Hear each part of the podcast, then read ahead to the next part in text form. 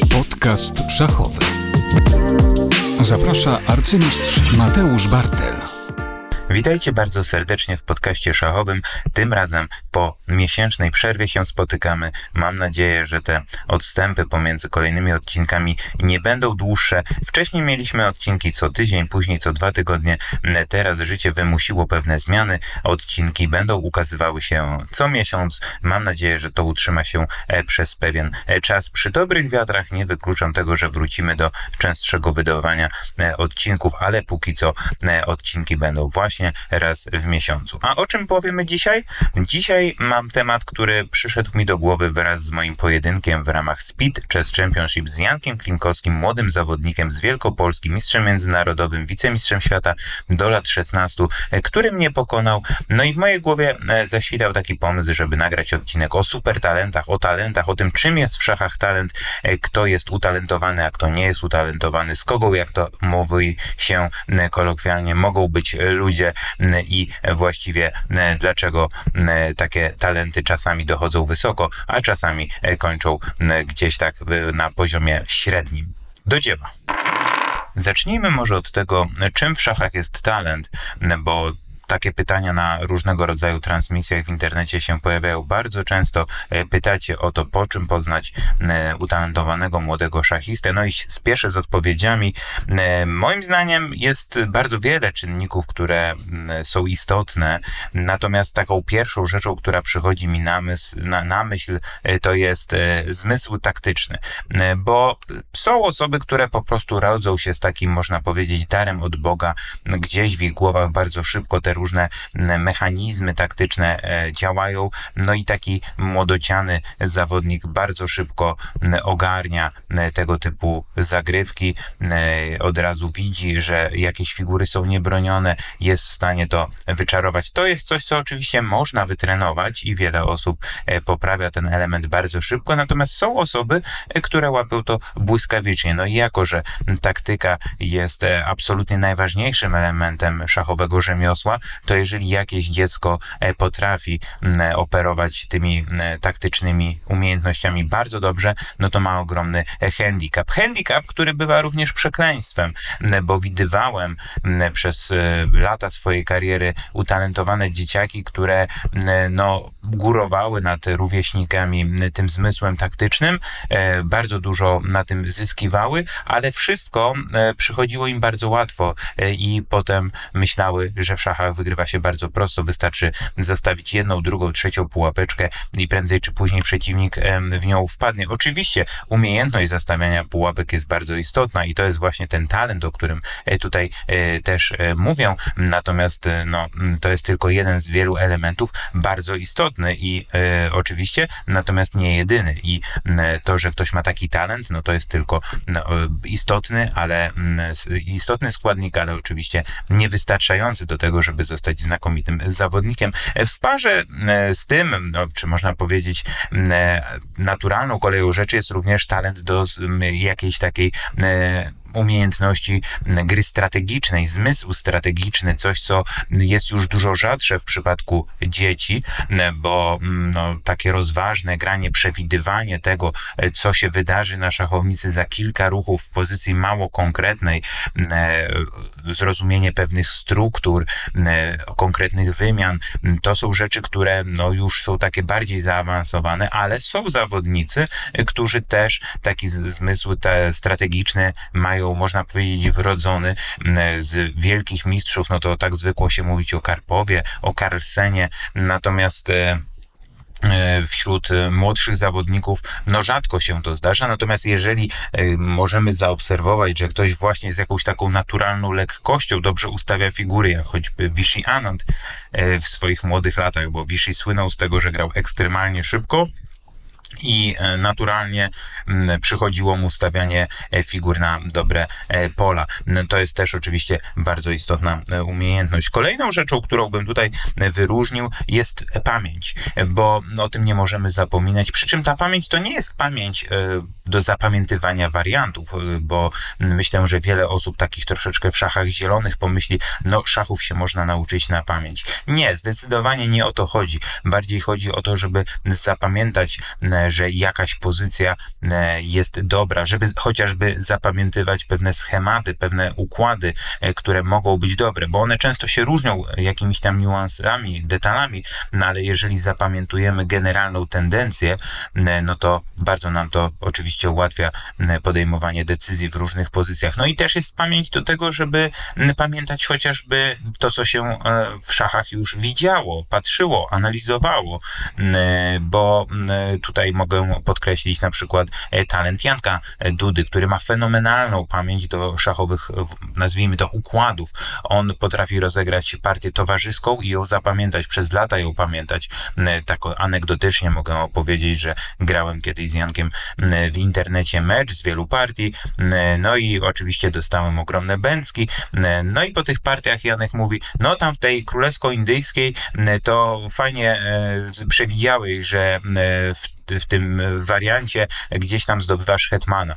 Ja tak się złapałem za głowę, bo ja nawet nie pamiętałem, w której partii grałem królewsko-indyjską, nie pamiętałem, e, że zastawiłem jakąś pułapkę, bo ja może nawet tej pułapki nie widziałem, no a Janek e, tuż po tym meczu nie dość, że wszystko pamiętał, to jeszcze ze szczegółami mógł mi wyjaśnić, co tam widział, czego ja nie widziałem i tak dalej, i tak dalej. Zresztą on to pamięta również miesiące później, bo kiedyś grałem z nim inną partię na jakimś treningowym mm, obozie.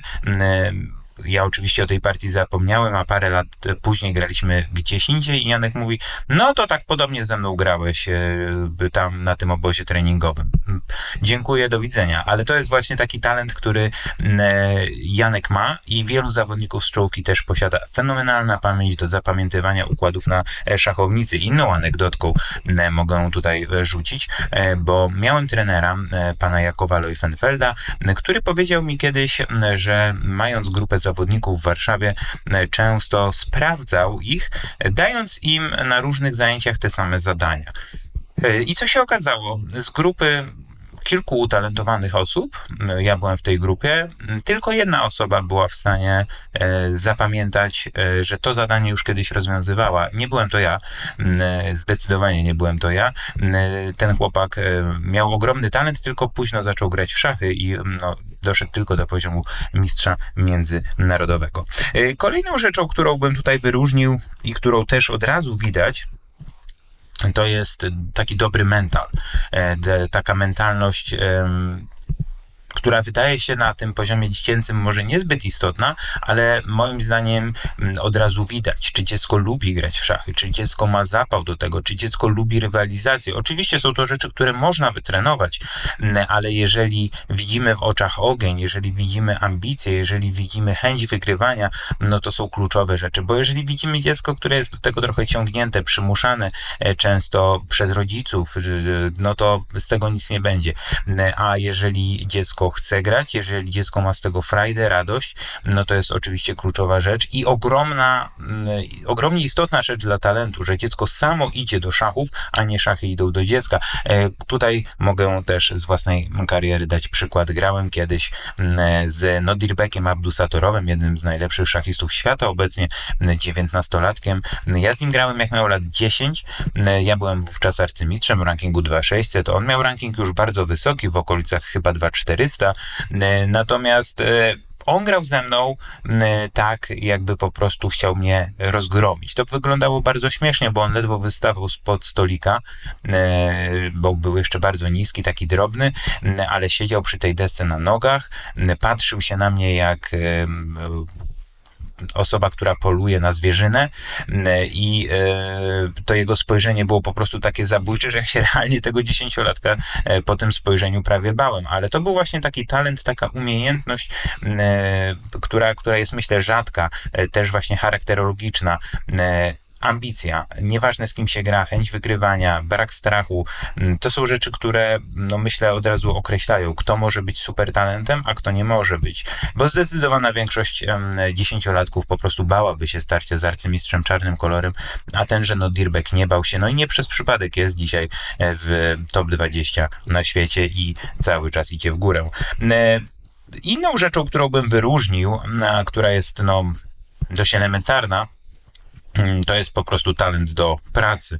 E, talent, o którym się bardzo zapomina, mm, ale który jest zwłaszcza w szachach kluczowy, bo w szachach, mm, dzisiejszych szachach, to już nie jest tak, że ktoś ma wielkie umiejętności, siada do deski, idąc ze spaceru i po prostu wygrywa. Dzisiaj trzeba ogromne ilości informacji przyswoić, przepracować, zapamiętać, więc ten talent do pracy, talent do organizacji pracy, no jest niezmiernie istotny. Ja zawsze podziwiałem na naszym krajowym podwórku Radka Wojtaszka, który mm, e, był wyjątkowo skrupulatny, planując wszystkie swoje rzeczy w karierze, mm, od startów, poprzez przygotowania, treningi, poprzez powtórki swojego repertuaru debiutowego, który miał zawsze zrobiony na najwyższym poziomie na świecie. No i ta jego pracowitość sprawiła, że Radek, no przecież był zawodnikiem e, środka e, drugiej dziesiątki na świecie. To była lokata między 20, 15, czasami pukał do dziesiątki. Wyżej się nie udało, natomiast oczywiście to jest oczy, tak czy owak wielkie osiągnięcie. Osiągnięcie, które Radek zawdzięczał w bardzo dużej części właśnie pracy. Oczywiście Powiecie, że mm, po owocach się poznaje osoby, które osiągają jakieś mm, e, sukcesy e, i to, co powiedziałem wcześniej, mm, no to są piękne słowa, no ale najważniejsze są wyniki, bo po wynikach możemy ocenić, e, że ktoś radzi sobie lepiej, ktoś radzi sobie gorzej. No to wszystko, co powiedziałem wcześniej, to raczej elementy, które no, są takie dość nieprecyzyjne, niewymierne, ogólnikowe. I tutaj przychodzimy do pierwszego takiego punktu, mm, zwłaszcza w przypadku dzieci, mm, czyli tytułów osiągnięć juniorskich, mm, to są zawsze wyróżnienia, do których ja podchodzę z takim przymrużeniem oka. Kiedy byłem dzieckiem, oczywiście marzyłem o tym, żeby zdobyć tytuł mistrza Polski to się udało, ale potem y, mistrza Europy czy mistrza świata w swojej kategorii wiekowej. Myślałem, że to jest bardzo istotna rzecz, bo jeżeli uda mi się mm, to zrobić, no to coś tam się dalej wydarzy. Byłem też pod wpływem czytania mm, periodyków szachowych, no więc e, sam fakt tego, że mógłbym się pojawić na okładce czasopisma Szachista na przykład był wielką motywacją. Natomiast e, mm, to, co kiedyś wydawało mi się niezmiernie ważne, wraz z biegiem lat zacząłem oceniać jako rzecz tak naprawdę mało istotną. Mm, I e, myślę, że mm, sukcesy na, kraje, na arenie czy to krajowej, czy międzynarodowej w okresie juniorskim, mm, to jest tylko i tak to powinno być traktowane e, element, środek w drodze na szachowy szczyt. Nie można za żadne skarby uważać tego za cel sam w sobie. I tutaj też jest właśnie mm, takie ryzyko, że niektórzy za bardzo się na tym e, skupiają, za bardzo dużą uwagę mm, przywiązują do mm, robienia wyników na tego typu imprezach. E, właśnie sam sport w Polsce e, i podejście do honorowania tego typu osiągnięć jest niestety patologiczny, bo nie powinno być tak, że trenerzy czy zawodnicy zawodnicy są nagradzani za tego typu rzeczy, zwłaszcza trenerzy powinni być oceniani przez pryzmat tego, jak wielu zawodników poziomu seniorskiego wychowają, e, bo oczywiście można iść na skróty, można przygotowywać się na najważniejsze imprezy w roku, co jest często uwsteczniające w przypadku 10-latka, 12-latka. Jak słyszę, że przygotowuję się do imprezy i mistrzowskiej, robię wszystko, żeby tam zagrać najlepiej, no to troszeczkę mnie to e, przeraża. Może ja mam złe podejście, no ale wydaje mi się, że trzeba patrzeć w dalszej perspektywie. Oczywiście, o tym jeszcze powiemy, jeżeli ktoś chce oczywiście w szachach zostać, jeżeli ktoś chce w szachach nie tylko zostać arcymistrzem, ale zdobywać jak najwyższe laury. Także te triumfy w turniejach juniorskich, one oczywiście pomagają określić, kto jest utalentowany, ale też dość istotną rzeczą jest to, że bardzo szybko najlepsi z najlepszych opuszczają e, imprezy e, do lat 12, 14, 16 i 18. Zresztą w tych najwyższych kategoriach wiekowych, w jedynych, w których mi się udawało jakieś tam triumfy e, uzyskiwać, najlepsi praktycznie już nie grają, bo są po prostu zawodnikami z międzynarodowymi tytułami, zawodnikami zbyt silnymi, żeby rywalizować ze swoimi rówieśnikami. Można jeszcze spotkać te wybitne talenty w tych młodszych kategoriach wiekowych, no ale siłą rzeczy to są troszeczkę inne zawody i aż taka ich waga nie powinna być duża. Kolejnym takim etapem, kolejną informacją, która może nam powiedzieć, czy ktoś jest utalentowany, czy nie, jest uzyskiwanie kolejnych tytułów międzynarodowych. Tak się zwykło w szachach do tego przywiązywać dużą uwagę. Mistrz FIDE, mistrz międzynarodowy, no i to, to typowe pytanie, teraz odpowiadać musi na nie Jan Klinkowski, kiedy tytuł arcymistrza, to jest, e, to też jest troszkę patologiczna sprawa z tymi tytułami, bo już od dawien dawna, od czasów, kiedy Bobby Fischer został najmłodszym arcymistrzem na świecie, zresztą on został tym arcymistrzem dlatego, że za, zakwalifikował się z turnieju międzystrefowego do turnieju pretendentów, a nie dlatego, że zdobył kolejne normy, no to już od tego czasu ludzie chcą bić rekordy, ludzie chcą zostać tym najmłodszym arcymistrzem na świecie. W tej chwili rekord należy do Abhimaju Mishry, który no już zdobył ten tytuł w jakimś chorym wieku. Mianowicie został arcymistrzem w wieku 12 lat, 4 miesięcy i 25 dni, bijąc rekord Siergieja Kariakina, który potrzebował do tego 12 lat i 7 miesięcy, będąc wtedy jeszcze Ukraińcem, bo jak dobrze wiemy, potem zmienił federację na rosyjską. E, natomiast te tytuły często są niestety uzyskiwane w takie sposoby, no, nie chciałbym powiedzieć nieczyste, ale podejrzane, bo mm, jest to wyścig z czasem, mm, żeby uzyskać normy, żeby uzyskać ranking, najlepiej pójść na skróty, grać turnieje kołowe, mm, w z zawodnikami średnio zaangażowanymi, bo nie brak na świecie arcymistrzów, zwłaszcza tych w starszym wieku, a jeszcze nie daj Boże z jakimiś e, problemami zdrowotnymi. Wiele było takich turniejów, w których utalentowani juniorzy próbujący pobijać rekordy grają z zawodnikami, których już to za bardzo nic nie interesuje. No i to jest oczywiście pole do różnych machinacji, machlojek, a nawet korupcji, bo po środowisku to krążą plotki, jak e, ktoś chcąc pobijać pobić rekord, próbował przekabacić swojego przeciwnika z problemem alkoholowym, żeby ten jednak e, tę partię zagrał z mniejszym zaangażowaniem i tak dalej, i tak dalej.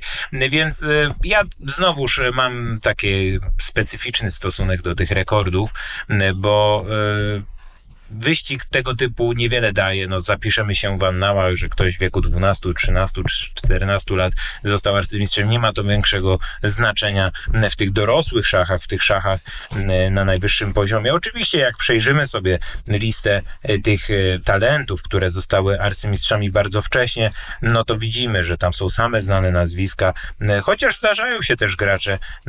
Siódmy na przykład na liście Parimardzian Negi z Indii został arcymistrzem w wieku 13 15 lat, 4 miesięcy i 22 dni. No a mało kto teraz o nim e, słyszy. To jest zawodnik, który raczej z szachów szybko się wypisał, zaczął pisać książki e, wyczynowo, wielkiej kariery nie zrobił. I e, wiele jest nazwisk, które e, no, powinny być bardzo wysoko, ale no nie każdy z tego wczesnego zdobycia tytułu arcymistrza coś wycisnął. Sam Magnus Carlsen zdobył swój tytuł dość wcześnie, czyli 13 lat, 4 miesiące i 27 dni, co na pewno mu nie zaszkodziło, ale najmłodszym mistrzem, arcymistrzem na świecie nie był, mimo że z punktu widzenia umiejętności czysto szachowych, no jest oczywiście absolutną legendą i najsilniejszym graczem w historii. Dużo ważniejsze ważniejsze dla mnie niż e, uzyskiwanie tytułów juniorskich czy tytułów międzynarodowych jest to, jak ci młodzi zawodnicy radzą sobie w turniejach już takich poważniejszych z dorosłymi, czyli na przykład w realiach europejskiego kontynentu, czy taki zawodnik jedzie powiedzmy na Mistrzostwa Europy, e, turniej systemem szwajcarskim, bardzo wielu zawodników nakierowanych na e, cel, jak taki zawodnik poradziłby sobie jadąc na przykład na drużynowe Mistrzostwa Europy, jeżeli by się załapał do swojej e, kadry narodowej, czy na Olimpiadzie. Tutaj świetny przykład Janka Dudy, który w 2014 roku pojechał na, Olimpiadę Szachową do Tromso, był wtedy 15-latkiem, no i na tej Olimpiadzie Janek już już zagrał fenomenalnie, był bardzo wysoko wystawiony, jeśli dobrze pamiętam, chyba na trzeciej szachownicy, albo nawet na drugiej. Grał e, bardzo dobre szachy, przegrał dopiero w ostatniej rundzie z Chińczykiem, a wcześniej notował znakomite wyniki, niemal zdobył medal na szachownicy. No i to pokazało, że ten młody zawodnik po prostu jest już gotowy do reprezentowania kraju. Zresztą w tym samym roku wcześniej Janek był o krok od zdobycia złotego medalu Mistrzostw Polski. Dość niefortunnie się stało tak, że tego złotego medalu nie zdobył. Natomiast jego wynik pokazał dobitnie, że to już jest zawodnik zawodnik z kategorii nawet nie talentu, tylko super talentu, czyli on osiągnął e, w tym bardzo młodym wieku 14-15 lat wynik z seniorami, wynik bardzo dobry i to nie był wynik jednostkowy, bo te wyniki zaczęły się powtarzać. Świetny wynik na Mistrzostwach Polski, świetny wynik na Olimpiadzie. To już nie było przypadkiem i to jest kolejna rzecz, o której chciałem powiedzieć. Poza tymi wynikami właśnie z seniorami ważna jest e, powtarzalność. Ważne jest to, żeby to nie był jeden wyskok. E, kiedyś w, była taka historia w przypadku Arkadiusza Leniarda, bardzo sympatycznego zawodnika, arcymistrza polskiego, e, którego kariera no, nie potoczyła się tak, jakby mogła. E, Arek kiedyś, bodajże w wieku 13 lat, pojechał na turniej do Moskwy na turnieju Aeroflotu. E, zajął tam w turnieju B bardzo wysokie miejsce, bodajże trzecie miejsce. Zdobył normę arcymistrzowską. No i wówczas w Rosji mówiono, że no, Polacy mają lepsze talenty niż my. Ten Leniart to jest naprawdę fenomenalny zawodnik, super utalentowany, lepszy niż nasz Nipomniaszczy. Takie słuchy po Rosji chodziły. No i okazało się, bo to byli rówieśnicy, że niestety kariera Arka nie była taka dobra. Ten wynik był stosunkowo no, niepowtarzalny. E, zdarzył się raz, potem e, niestety ta kariera Arka zwolniła, został arcymistrzem, ale z szachami się nie związał, no a niepomniaszczy osiągnął troszeczkę więcej, także powtarzalność jest też niesłychanie istotna, jeżeli kogoś chcemy rozpatrywać w kategoriach talentu. Podcast szachowy. Kiedy już wiemy, że mamy do czynienia z kimś o unikalnym talencie, no to y, mierzymy się z wieloma wyzwaniami. No po pierwsze, e, pierwsza taka rzecz, która przychodzi na myśl, e, to jest oczywiście mm, zaplecze. Zaplecze e, czysto finansowe, zaplecze też domowe, e, często połączone, bo bardzo istotne jest to, czy młody zawodnik ma wsparcie rodziców. E, to wsparcie w wymiarze zarówno mentalnym jest bardzo istotne, jak i takim motywującym, bo do, rodzice potrafią czynić e, naprawdę cuda e, potrafią i znaleźć dobrych trenerów, i potrafią zagrzać do pracy, i potrafią wesprzeć w przypadku jakichś kryzysów, no ale też ważne jest to wsparcie czysto finansowe, bo oczywiście e, korzystanie z dobrych trenerów, wyjazdy na turnieje, zwłaszcza jeżeli mierzymy wysoko, to są spore koszta. No i bez wsparcia rodziców jest naprawdę bardzo ciężko, bo no, takie są finanse w szachach, że na tym początkowym etapie e, te wyjazdy po prostu sporo kosztują. Prestiżowe turnieje trwają kilka dni. E, to nie jest wyjazd na jeden, dwa dni. To jest często wyjazd na ponad tydzień, na drugi koniec świata. I oczywiście wsparcie różnych klubów czy federacji zdarza się, ale mm, najczęściej jest ono dalece niewystarczające. A jeśli mowa o prywatnych sponsorach, to oni są raczej rzadkością. Ważne też jest to, e, jak określa się zawodnik, czyli e, czy on i jego rodzice, bo raczej jest to w porozumieniu, e, czy on widzi siebie jako wyczynowca. Bo jeżeli ktoś jest super talentem, ale nie wiąże z szachami takiej konkretnej przyszłości, no to będzie oczywiście podejmował inne decyzje niż osoba, która na ten cel jest nastawiona. To jest zresztą, myślę, obecnie taki, taki powiedzmy różnica spora między zawodnikami z Europy, a z zawodnikami z Azji, bo ci Azjaci, którzy szkół nie opuszczają, są jednak, myślę, bardziej nastawieni na to, że w tych szachach zostaną, natomiast Europejczycy, zwłaszcza z Europy Zachodniej, z tyłu głowy mają, e, że w szachach być może nie zostaną na zawsze i e, dbają o tą swoją edukację. I to jest właśnie kolejna rzecz dość istotna, e, czy i jak zajmować się szkołą, znaczy zajmować się oczywiście trzeba, ale czy iść w kierunku indywidualnego toku nauczania. Ja nigdy tego nie miałem, chociaż zawsze to kusiło, czy szkołę traktować priorytetowo, czy szkołę traktować pobocznie bo tutaj odpowiedzi są zdecydowanie nieoczywiste. Z jednej strony wydaje się, że utalentowany zawodnik powinien mieć e, szkolenie, znaczy szkołę e, w typie, w trybie indywidualnym, no ale z drugiej strony tutaj dochodzimy do kolejnego etapu takich zagadnień, czyli też integracji z rówieśnikami, bo bardzo łatwo jest stworzyć zawodnika super utalentowanego, który jest odludkiem, który całe życie spędza na turniejach z trenerem, z dorosłymi, a niekoniecznie spędza je z rówieśnikami. I coś, co będzie przez parę lat działało, no potem w wieku 20-20 paru lat może okazać się problemem, bo nagle ta osoba zda sobie sprawę, że w życiu ma tylko szachy, nie zna nikogo innego mm, poza rywalami z turniejów.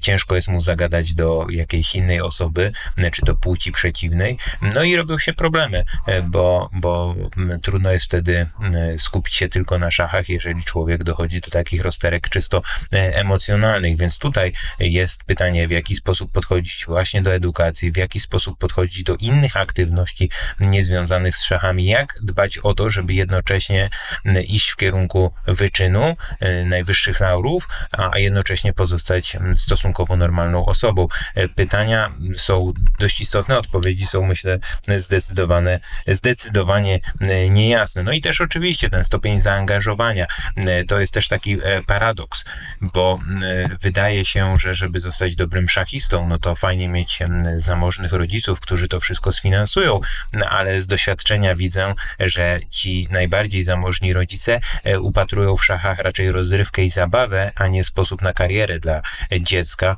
No i e, są w szachach synowie osób, no nazwijmy to milionerów, czy może nawet miliarderów, ale e, choć oni często dochodzą do tych wysokich wyników, to jednak nie są to zawodnicy ścisłej czołówki światowej, bo gdzieś tam mimo wszystko wszystko chodzą do dobrych szkół, do tej edukacji się przykładają mm, bardzo mocno, nie mają tyle czasu na szachy, no i e, zostają po prostu w tyle, jeśli chodzi o mm, rywalizację z zawodnikami, którzy, którzy postawili wszystko na jednej karcie. I e, zawodnicy, którzy mają rodziców no, biedniejszych, z kolei nie mogą sobie e, pozwolić na, na, na, na wiele rzeczy. Oni też tracą, więc może po środku najlepiej być osobą z klasy średniej, E, których, e, która będzie miała wsparcie do pewnego poziomu, ale jednocześnie mm, e, będzie szansa na to, że rodzina będzie zainteresowana tym, żeby dziecko poszło w wyczyn,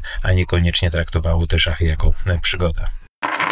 Rzeczą, o której absolutnie nie można zapominać w przypadku talentów, jest y, mentalność, ten tak zwany popularnie teraz mental, y, to nastawienie psychologiczne, to jest rzecz, która w szachach jest niebywale ważna. Ja mam nadzieję, że kiedyś jeszcze nagramy ciekawy podcast z y, szachowymi psychologami, bo o tym się często nie mówi, natomiast mm, dla dzieci ta warstwa emocjonalna jest bardzo istotna, począwszy sobie począwszy od radzenia sobie z porażkami, począwszy od radzenia sobie z wygranymi, bo wygrana też może być demotywująca. Skoro łatwo wygrywam, to znaczy, że nie muszę pracować e, poprzez ambicje, żeby tą ambicję mieć, żeby tą ambicją e, cały czas się karmić, żeby chcieć więcej, e, poprzez jeszcze motywację do, do pracy, do, do, do codziennego wysiłku, do e, podejmowania, e, do rezygnacji z innych atrakcji, e, bo mm, małe dziecko, kilkuletnie czy kilkunastoletnie, często ma naprawdę wiele pokus, zwłaszcza w dzisiejszych czasach żeby włączyć konsolę, e, żeby obejrzeć film, żeby wejść i oglądać jakieś niezbyt mądre treści w internecie zamiast prawdziwego treningu. No to jest szereg rzeczy, które, które potrafią odciągnąć, więc to odpowiednie podejście do przygody z szachami, czy już później kariery z szachami, jest niesłychanie istotne. I mm, to jest coś, czego z boku nie widać. To jest coś, co nam, kibicom, często wydaje się mm, może mało istotne, a to jest tak naprawdę kluczowe, bo widzimy zawodnika, nie wiem, 12-letniego mistrza międzynarodowego, wydaje nam się, że to będzie potężny zawodnik, no a potem się okazuje, że on jest jednak troszeczkę leniwy, że on jednak woli co innego, a może on tak naprawdę y, szachy traktuje tylko jako dodatek, tak naprawdę marzy o zostaniu wybitnym nie, pianistą. E, też mogą być takie sytuacje. Często o tym nie wiemy, bo wiadomo, e, dziennikarstwo w szachach jest raczej e, skromne. Bardzo wiele tych ciekawostek zostaje gdzieś tam z tyłu. Natomiast właśnie to podejście, to zaangażowanie, to prawidłowe nastawienie do różnych aspektów jest bardzo, bardzo istotne. I myślę, że im wcześniej dziecko czy rodzice wraz z dzieckiem będą w stanie przepracowywać te różne tematy związane właśnie z psychologią, tym lepiej. E, dlatego, że no, sam pamiętam w karierze dużo miałem takich momentów, e, w których e, średnio sobie radziłem z tymi wyzwaniami, które się pojawiały. Bardzo często zdarzały mi się seryjne porażki w ważnych imprezach. Kompletnie nie umiałem sobie z tym poradzić. Jak szło dobrze, to szło dobrze to wtedy turnieje udawało mi się wygrywać, ale jak pojawiały się przeciwności, to bardzo długo e, nie potrafiłem ich e, dobrze znosić. To się w trakcie kariery gdzieś tam zmieniło i udało mi się.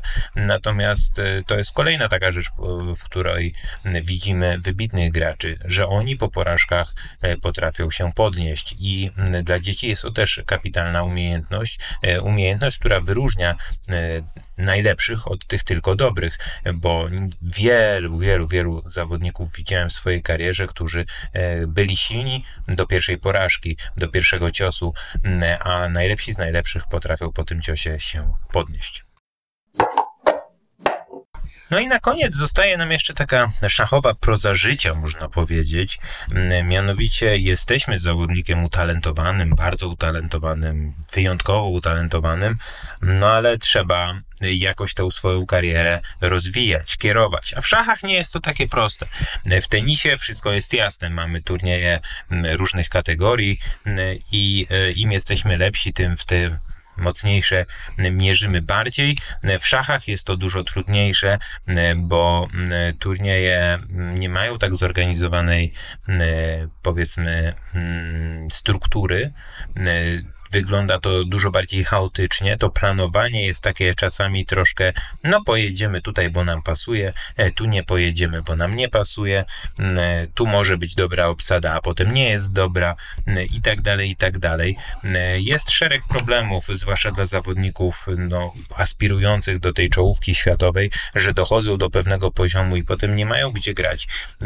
Patrząc na przykład na Janka Klinkowskiego czy Kubę Zemana, zawodników o rankingu w okolicach 2500, czy nawet trochę więcej, mm, e, oni już teraz zaczynają e, spotykać mm, takie problemy, napotykać takie problemy, że mm, gdzie zagrać w kolejnym turnieju, bo żeby się uczyć, powinni grać z zawodnikami wyżej notowanymi, czyli zawodnikami 2600, 2650, 2700, ale w takich e, polskich realiach nie tak łatwo znaleźć możliwości gry z tymi zawodnikami, bo nie ma turniejów kołowych, e, w których można byłoby się jakoś przebić. E, tutaj warto zauważyć, jak wielką przewagę mają na przykład holenderscy młodzi, utalentowani zawodnicy, którzy e, bardzo szybko dostają zaproszenia do turniejów Vacancy, Tata Steel Masters czy Challengers. No i taki Anisz Giri już od najmłodszych lat grywał, czy to w turnieju właśnie B, czy to w turnieju A, zdobywając bardzo potrzebne doświadczenie. Oczywiście nie, nie wszystko złote, co się świeci. No i również ci młodzi zawodnicy, tacy jak Giri, e, bardzo wcześnie grając z zawodnikami z, ze ścisłej czołówki światowej, są przez to troszkę skrzywieni, bo do dziś żartujemy, że Anisz Giri to tak naprawdę Drowish Giri, człowiek, który uwielbia remisować. On teraz troszeczkę zmienia tą opinię, grając ostrzej, natomiast za mm, takiego może nie dzieciaka, ale utalentowanego nastolatka wyrobił sobie takie zdolności, zdolności bardzo solidnej gry, bo to było dobre dla niego w tych turniejach. Grał po prostu z najlepszymi na świecie i fajnie było nie przegrywać partii, więc to mierzenie się z tymi dużo lepszymi zawodnikami może wykrzywić nieco styl, natomiast no, ta nauka jest oczywiście niezaprzeczalnie gigantyczna i e, porównując właśnie Polskę z Holandią, możemy zauważyć, że polscy zawodnicy takich, umiejętno takich umiejętności nie nabędą tak szybko, bo po prostu nie mają możliwości gry w takich turniejach. Nie ma u nas e, turniejów kołowych tego poziomu. Była kiedyś Polanica. E, lata temu najlepsi polscy gracze Tomek Markowski, Robert Kępiński rywalizowali w tych turniejach kołowych i oczywiście mieli z tego wielkie doświadczenia grając z Karpowem, Szyrowem, Leko czy innymi zawodnikami no ale teraz takich turniejów nie ma, e, więc utalentowany zawodnik w wieku na przykład 20 lat czy 15 lat nie ma co marzyć o zagraniu w takim turnieju w Polsce. A dlaczego za granicą organizatorzy mieliby naszych zawodników zapraszać? Tu się pojawiają problemy. Tu jest przestrzeń, żeby zrobić jakieś wydarzenia, które mogłyby pomóc e, tym naszym zawodnikom w zdobywaniu e, doświadczenia, bo inaczej bardzo ciężko o to. Oczywiście są turnieje otwarte, no ale w turniejach otwartych siłą rzeczy nie możemy zagrać najczęściej dziewięciu partii z silnymi graczami. Często zaczynamy od dużo słabszych, często nam się noga powinie, często zamiast pięciu, sześciu pojedynków z silnymi graczami kończymy na jednym i to jest takie mocno nieprzewidywalne. Także to planowanie startów jest bardzo nieoczywiste, bardzo trudne, a jeszcze pojawiają się często oczekiwania, oczekiwania klubu, żeby reprezentować klub na lidze juniorów.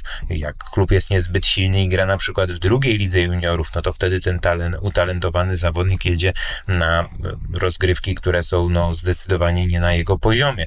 E, kiedy pojawiają się oczekiwania ze strony Związku Szachowego, kiedy związek mówi zawodnikowi, no co prawda już jesteś arcymistrzem, ale pojedź proszę na Mistrzostwa Świata do lat 16, 18 czy 20, zdobądź medal, bo wtedy nasz patologiczny system finansowania z Ministerstwa Sportu da nam większe fundusze. No to jest proza życia, to jest proza, która wiele razy się w polskich szachach, no i myślę w zagranicą też pojawiała. To jest rzecz, która często była kością niezgody pomiędzy utalentowanymi zawodnikami a, a związkiem, E, no ale czasami takie rzeczy się pojawiają. Są co prawda opinie i niektórzy tak twierdzą, że od czasu do czasu korzystnie zagrać w takim, takich zawodach jako stuprocentowy faworyt, bo umiejętność wygrywania na zawołanie też jest bardzo potrzebna i jestem w stanie nawet to zrozumieć, bo jak sobie to zestawimy z tym, co mówiłem o Aniszu Girim, czy innych wybitnych graczach, którzy szybko grając z czołówką światową za bardzo stali się remisowi. Tutaj można też przy, przy, przywołać mm, Tejmura Rajabowa, który kiedyś był bardzo ostrym, bezkompromisowym graczem, ale mm, no szybko zaczął grać z czołówką światową i wyrobił sobie taki dużo bardziej mm, asekuracyjny styl. Więc drugą stroną medalu jest właśnie to, kiedy próbujemy jeździć na turnieje troszkę słabsze, czy nawet bardzo słabe i je wygrywać. Młoda generacja dzisiejszych zawodników z Gukeszem na czele, można powiedzieć, do tego e, właśnie mm, podchodzi mm, całkiem e, pozytywnie. Co prawda Gukesz nie gra w juniorskich rozgrywkach, ale czasem zdarza mu się pojechać na słabszy Open, mm, gdzie jest faworytem numer jeden e, i walczyć po prostu o pierwsze miejsce, wygrywać każdą partię praktycznie na zamówienie, bo inaczej dużo traci na rankingu.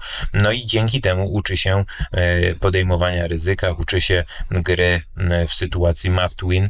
To są zupełnie inne umiejętności, też być może korzystne Natomiast to są właśnie wyzwania, które pojawiają się przed utalentowanymi zawodnikami gdzie zagrać, e, jak zaplanować ten kalendarz, e, gdzie szukać okazji do nauki, gdzie szukać okazji do wygrywania, jak to zbalansować. E, to są pytania, na które odpowiedzi są bardzo nieoczywiste. No i oczywiście Kolejna rzecz, no bardzo fajnie jest mieć takie możliwości otrzymywania zaproszeń.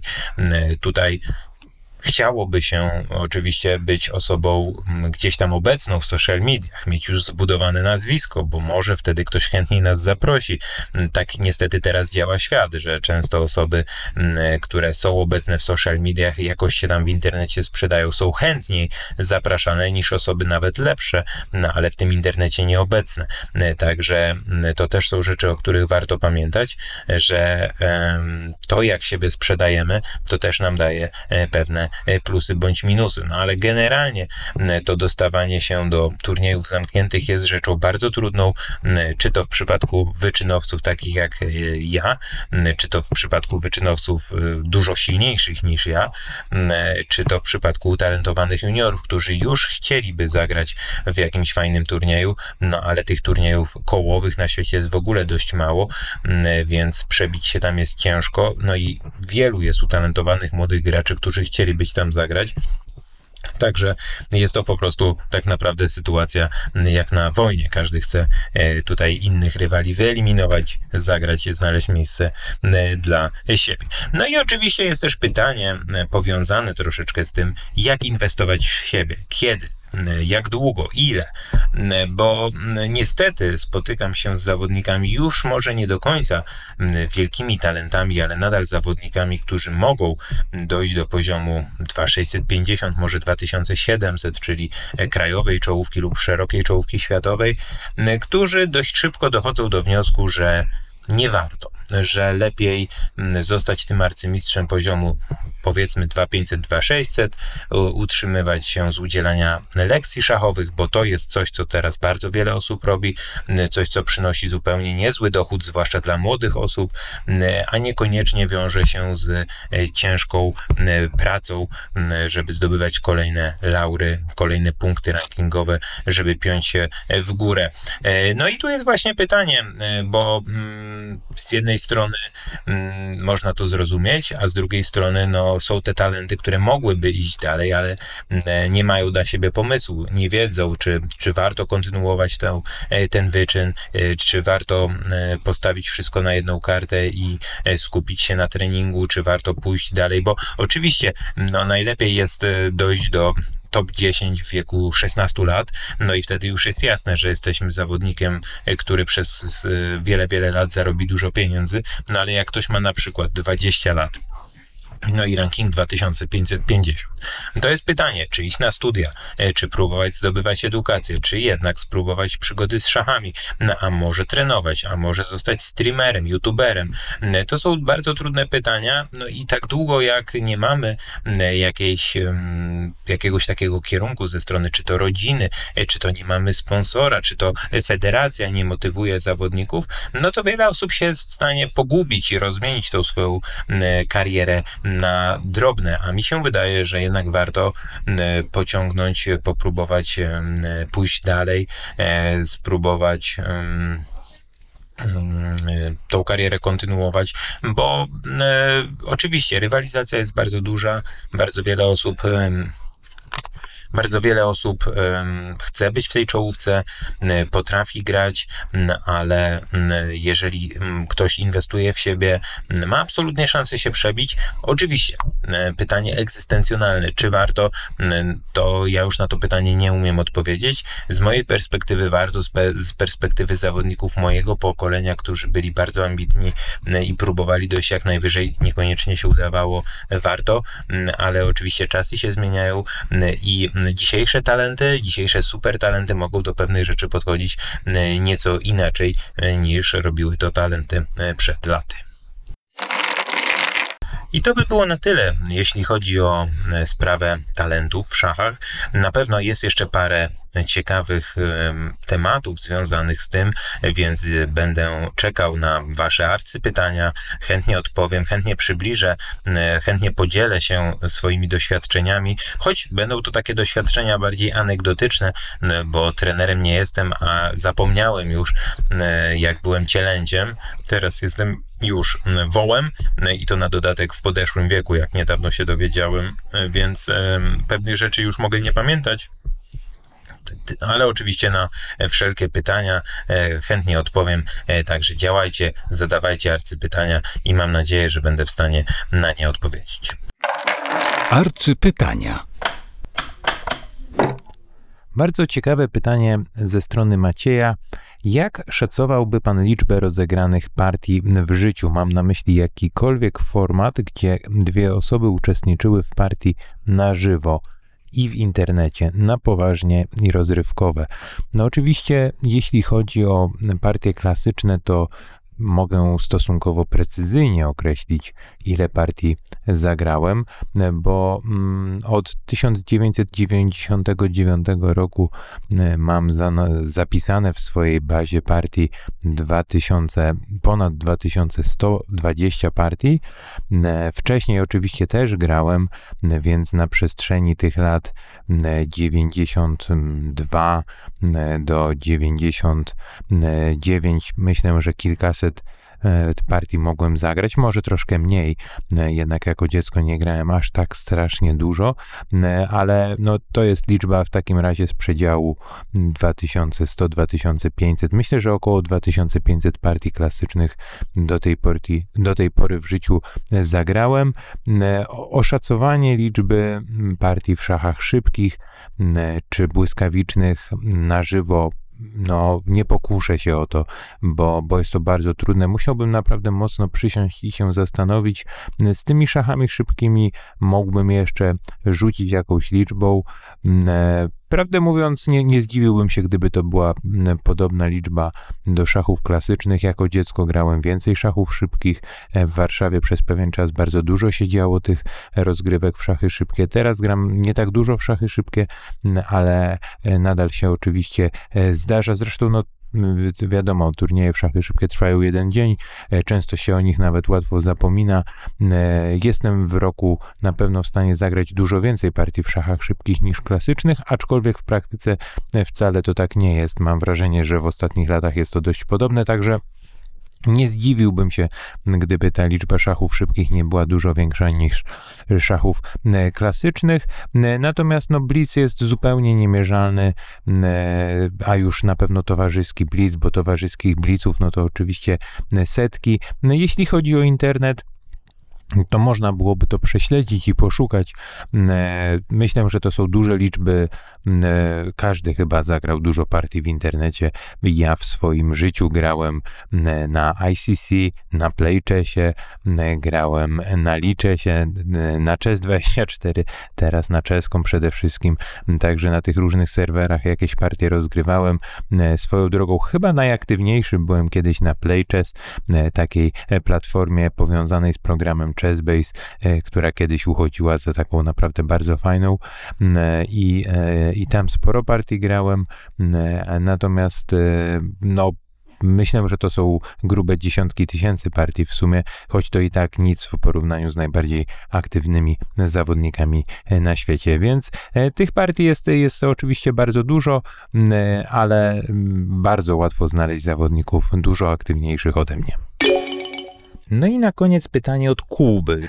Kuba e, pyta, a raczej formułuje taką wypowiedź. Jestem świeżo po turnieju szachów klasycznych i po raz kolejny gorzej mi idzie w końcowych rundach turnieju. Liczę mniej dokładnie, popełniam proste błędy i tak dalej, i tak dalej. I to bez względu na tempo gry. Rozumiem, że to kwestia kondycji, ale dbam już o dietę, o zdrowy sen oraz uprawiam sport, a mimo to e, cały czas się to e, powtarza. Czy jest jakiś trening, który może pomóc, czy to może jednak problem natury mentalnej. Pozdrawiam. I właśnie pytanie bardzo długie, pytanie rozbudowane, pytanie bardzo ciekawe, na które oczywiście, jak w przypadku takich skomplikowanych pytań, chyba nie ma jasnej odpowiedzi. Bardzo myślę korzystne jest to, że Kuba zaobserwował y, problem, bo to jest podstawa, żeby, żeby go rozwiązać. Y, nie było to pewnie trudne, bo jeżeli powtarzają się takie słabe finisze, no to coś musi no, coś musi być na rzeczy i łatwo to e, zauważyć, że, że te wyniki, im turniej zmierza bardziej ku końcowi, tym bardziej się pogarszają. Jakie może być rozwiązanie? No, e, ja bym tutaj myślę, wyszedł od tego, że zależy jak zaczyna Kuba te turnieje, bo jeżeli Kuba, mm, e, czy dowolny ze słuchaczy zaczyna turnieje od dobrych wyników, wygrywa, remisuje, a na końcu mu idzie słabiej, to pytanie, czy tutaj nie chodzi o to, że e, po tych dobrych wynikach na początku gdzieś rozbudzone są większe ambicje, apetyt rośnie, a potem porażka E, wprawia e, zawodnika w takie zniechęcenie. E, myśli on, że po przegranej już jest koniec świata, wszystko się zawala. Tutaj potrzebowałbym prawdopodobnie więcej szczegółów, żeby coś nakreślić, natomiast oczywiście kwestie mentalne mogą tutaj być absolutnie na rzeczy. Mi się zresztą wydaje, im dłużej gram w szachy, tym bardziej to widzę, że ten tak zwany mental właśnie jest jest rzeczą kluczową i to bez względu na poziom. Jeżeli wszystko mamy dobrze poukładane, e, tym e, bardziej jesteśmy w stanie kontrolować to, co robimy na szachownicy, bo mm, e, tak jak Kuba tutaj wspomniał, że popełnia proste błędy. Proste, czyli takie, które powinien normalnie mm, zauważyć, nie popełnić ich, a jednak coś wpływa na to, skoro trenuje mm, jakieś tam fizyczne sprawy, skoro dba o kondycję, to wydaje się, że nie jest to przyczyną e, że zmęczenie na końcu turnieju nie wpływa na niego, e, czyli zatem może to być mental. Ale dlaczego tak się dzieje, co za tym stoi? No to oczywiście ja na to nie odpowiem, bo za mało rzeczy wiem, ale warto oczywiście nad takimi zagadnieniami się zastanawiać, analizować, co mogło pójść nie tak, no i eksperymentować, bo często zmiana jednej małej rzeczy e, może sprawić, że osiągamy dużo, dużo więcej. Podcast szachowy. Partia ze słuchaczami troszeczkę zwolniła, tak jak zwolniły odcinki podcastu, e, ale mamy nowe posunięcie. Tym posunięciem jest 11 goniec bije H6, ruch, który nie wygląda zbyt obiecująco dla e, Was, drodzy słuchacze. Ja mam tutaj wybór, ale zdecyduję się na proste G bije H6 i wydaje mi się, że moja pozycja jest już naprawdę świetna. Jeśli podobają Ci się moje projekty w internecie, czyli podcast szachowy oraz moja działalność na YouTube oraz Twitch, zachęcam bardzo mocno do tego, żeby wesprzeć mnie na platformie Patronite pod adresem www.patronite pisane patronite.pl ukośnik gm matibar czyli jak GM Matibar, e, można e, wpłacać e, środki, które właśnie tę działalność będą wspierały. Takie, taka pomoc oczywiście zachęca do tego, żeby przy tych projektach pozostawać. Także jeżeli ktoś ma sposobność i uważa, że moja działalność na to zasługuje, będę ogromnie wdzięczny za dokonanie jakiejś wpłaty. Podcast szachowy. Zaprasza arcymistrz Mateusz Bartel.